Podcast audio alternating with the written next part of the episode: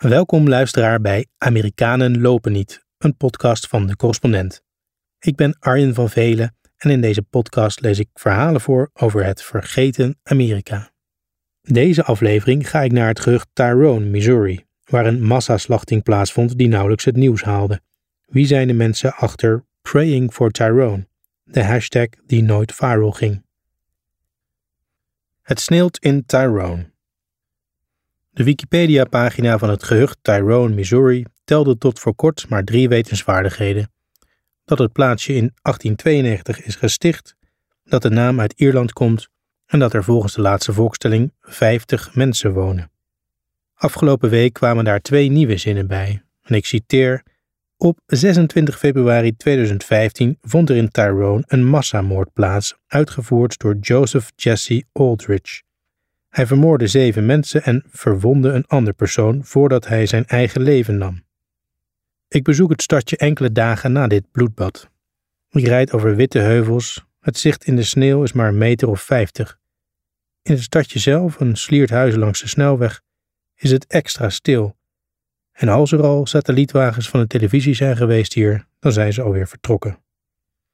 Het bloedbad, een van de grootste recente schietpartijen, was even breaking news, maar verdween vrijwel diezelfde dag al uit de nationale belangstelling, een bliepje op de nieuwsradar. Op de voorpagina van het lokale weekblad, gevestigd in het nabijgelegen stadje Houston, Missouri, staat nog het voorpagina nieuws van een week eerder over het weer. Ice freezing temperatures linger across the region. En inderdaad, het sneeuwt nog steeds en het is ijskoud in Tyrone. In de online kranten lees ik meer over de schutter Joe Aldrich, 36 jaar oud. Hij werd dood aangetroffen in zijn rode pick-up truck met een schotwond die hij zichzelf had toegediend. Hij was gewapend met messen, een geweer en een .45 pistool. In zijn pick-up lagen verder een blik Budweiser en een fles whisky. Hij had marihuana en alcohol in zijn bloed. Maar wat hem bezield had, bleef een mysterie. Ik ben hier ook niet om deze moorden op te lossen. Ik kom vanwege een hashtag die me fascineerde. De afgelopen jaren is het een wereldwijde traditie geworden dat als er ergens een schietpartij of een aanslag plaatsvindt, dat er ook een bijbehorende hashtag trending raakt. Denk aan Je Charlie na de aanslagen in Parijs, een leus die honderdduizenden mensen op de been bracht. En een maand geleden nog, toen een extreemrechtse Amerikaan in het studentenstadje Chapel Hill, North Carolina, drie jonge moslims doodschoot, verscheen er binnen een dag een miljoen tweets met de hashtag Chapel Hill Shooting. Zulke hashtags mobiliseren de wereld of ze geven iets van troost na een ogenschijnlijk zinloze moordpartij. Maar nu waren er zeven mensen dood en het bleef stil, zelfs op de plek waar alles gebeurd was, leek het. Het kon natuurlijk zijn dat het stadje te afgelegen lag. Het lag niet op de radar, het was letterlijk fly over country. Het duurt gewoon even voordat de journalisten er zijn met hun straalwagens. Of het kon zijn dat er geen haakje was voor dit nieuws dat dit ook niet echt nieuws was, gewoon de zoveelste witte man die witte mensen doodschoot. En het was geen aanslag, althans de dader liet geen manifest achter, zelfs geen spoor van een reden. Dat kan natuurlijk allemaal zo wezen, maar het bleef vreemd. Die zomer zag ik zelf hoe in St. Louis na de dood van één zwarte man duizenden de straat op gingen onder de vlag Black Lives Matter. Nu was 15% van de bevolking van Tyrone vermoord en het bleef stil. Althans, Tyrone kreeg wel degelijk een hashtag. Je moest alleen wel goed naar zoeken. Op Twitter vond ik een tiental tweets onder de noemer Praying for Tyrone. Op wereldschaal betekent het natuurlijk niets. Maar in een dorp van 50 inwoners is het nogal een viral hit. Dus ik wilde de man spreken die als eerste twitterde met hashtag Praying for Tyrone. Tyrone ligt op drie uur rijden van St. Louis in de uitlopers van het Ozark-gebergte de mensen in deze streek zijn zeer christelijk, stemmen in ruime meerderheid republikeins en ze houden van wapens. De huizen van het plaatsje liggen ver van elkaar verspreid, zonder kern. Maar in de bloeitijd had ook Tyrone een korenmolen, een conservenfabriek, een tandarts, een dokter, een postkantoor, een school, kerken. Nu is er zelfs geen plaatsnaambordje, alleen verlaten winkels en een in onbruik geraakt benzinestation. Toch is Tyrone niet volstrekt geïsoleerd. Het ligt in een archipel van gehuchtjes rond het stadje Houston, Missouri, dat bijna 2100 inwoners stelt. Daar is een Walmart, een McDonald's en een ziekenhuis met eerste hulp. Allemaal geen vanzelfsprekendheid op het platteland. En ook niet onbelangrijk en vanzelfsprekend. Tyrone en omstreken hebben goed internet. En dat speelt deze dagen een belangrijke rol. De eerste tweet met Praying for Tyrone was afkomstig van een dominee, Bill Filippiano van de Faith Fellowship Church in het nabijgelegen Houston. Hij twitterde op de avond na de schietpartij Remembering Tyrone and Texas County in prayer tonight. Hashtag praying for Tyrone. Er zat een plaatje bij de tweet van de kaart van Texas County en een man die knielt. Het bericht is slechts zesmaal geretweet, een rimpeling op Twitter. Maar hij plaatst die avond ook een berichtje op de Facebookpagina van zijn kerk, zoals hij wel vaker doet. Het is een oproep tot gebed. Dit berichtje krijgt ruim 300 likes, vertelt de dominee, ongekend in zijn kleine gemeenschap. Filippiano komt oorspronkelijk uit Chicago en werkt hier al 31 jaar, vertelt hij. De dominee is net terug van een bijeenkomst met andere kerkleiders als ik hem spreek in zijn pastorie. Zijn eigen kerk fungeert deze week ook als plek waar afscheid genomen kan worden van sommige van de slachtoffers. Komende zondag is er een nachtwaken hier met kaarsen voor de slachtoffers. Met ongeveer 200 leden, deels ook uit het gehucht Tyrone, is dit een van de grotere kerken in het stadje, dat nog tientallen andere kerken telt. Het bijzondere is dat de dominees hier heel goed samenwerken, zegt Filippiano. Hij hoorde het nieuws van de schietpartij toen hij in de lokale McDonald's was. Hij was geschokt en tegelijkertijd niet verrast, want hij kent de Bijbel. We leven in een gevallen wereld, zegt hij. Het kwaad bestaat. Dit is het pure kwaad. De schietpartij brengt de hechte gemeenschap alleen maar dichter bij elkaar, is zijn overtuiging. Je hoort wel eens verhalen over de verbrokkeling van gemeenschappen op het Amerikaanse platteland, maar hier in Houston, Missouri, zegt de dominee, vind je nog geloof, traditionele gezinswaarden en saamhorigheid. We're the people that feed the world, win the wars and keep the faith, zegt hij. Hij wil hier nooit meer weg. En dat wilde hij uitdrukken met die hashtag, de nabestaanden laten zien dat ze niet alleen staan. Een glimp van hoop in donkere dagen. En het blijft niet bij online bidden. Voor de nabestaanden van de slachtoffers zijn verschillende crowdfundingpagina's in het leven geroepen om de kosten van de begrafenissen te dekken, om geld in te zamelen voor de opleiding van de kinderen die nu geen ouders meer hebben. Enkele tienduizenden dollars zijn er ingezameld, best veel in een kleine gemeenschap waar velen maar 8 of 9 dollar per uur verdienen.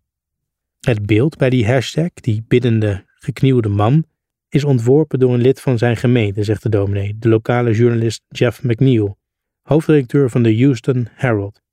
Veel inwoners van de streek gebruiken het beeld nu als hun profielfoto. Ik tref McNeil op de redactie van zijn krant. Hij is net bezig met het redigeren van de pagina's van de nieuwste editie. Het gaat niet langer meer over de sneeuw en de ijskoude temperaturen. Tragedies in Tyrone is nu de kop op de voorpagina. En zoals elke week staat er ook een Bijbelcitaat op de voorpagina, deze week uit het Bijbelboek Matthäus. Blessed and enviably happy are those who mourn, for they shall be comforted. De ochtend van de schietpartij werd hij om vier uur uit bed gebeld, vertelt McNeil. De hele dag was hij op pad om verslag te doen in Tyrone, buren interviewen, de sheriff spreken. En s'avonds toen hij thuis kwam, ontwierp hij dat beeld van die knielende man. Het werkte therapeutisch, zegt hij. Hij is journalist, maar ook christen en inwoner van deze gemeenschap. Iedereen zoekt antwoorden, zegt hij.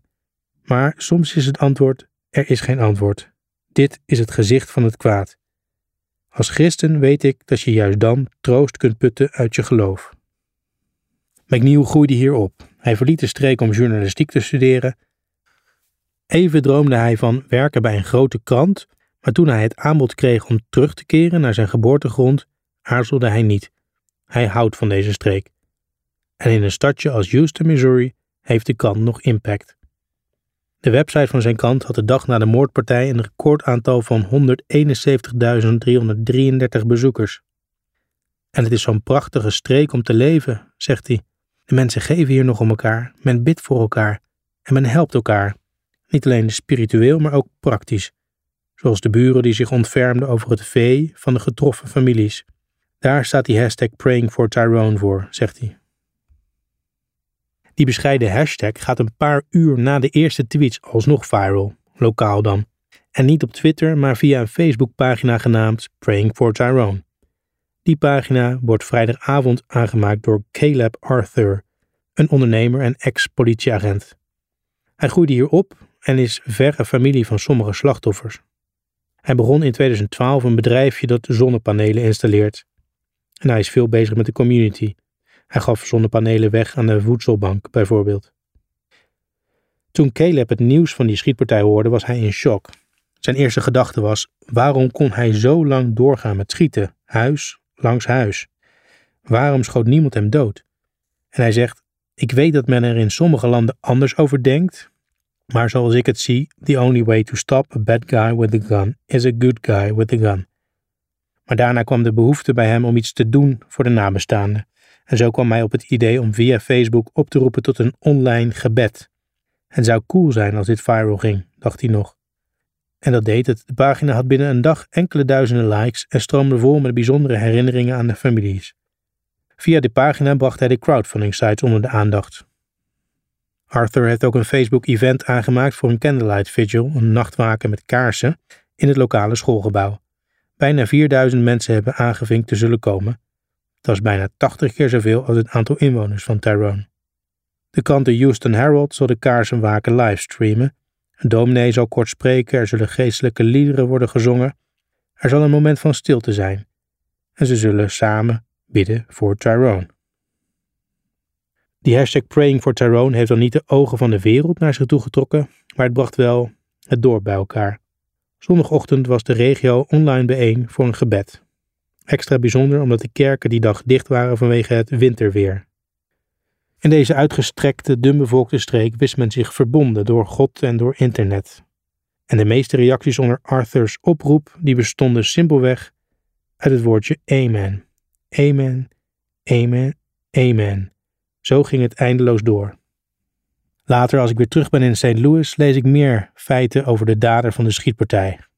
Die dader was een drugsverslaafde. Hij bleek verslaafd aan pijnstillers. Hij had eerder vastgezeten, 21 maanden lang, vanwege drugsbezit. Tot zover niks bijzonders. Maar was hij nou het kwaad? Was hij het pure evil? Nee, hij leek me gewoon een van die miljoenen wanhopige witte mannen op het leeggelopen platteland. En wat hem precies bezield had, was ook nog niet duidelijk. De enige die het antwoord wist, leeft niet meer, al dus de lokale sheriff in de nieuwe editie van de Houston Herald. De waarheid is, concludeerde hij, dat we het antwoord misschien wel nooit zullen weten. Die laatste reactie leek me een paar dagen na de schietpartij nogal gemakzuchtig voor een sheriff. En nog weer later las ik dat de schutter zijn daden in elk geval goed had voorbereid. Aldrich bezat bijvoorbeeld een exemplaar van het US Army Improvised Munitions Handbook. Hij zat ook vaak in chatrooms en wisselde daar informatie uit over wapens en over drugs. En die nacht was hij systematisch de huis langs gegaan in een schervenvest en in camouflagepak. Hij leek, dacht ik, wel een terrorist. Behalve dat hij geen manifest of ideologie had.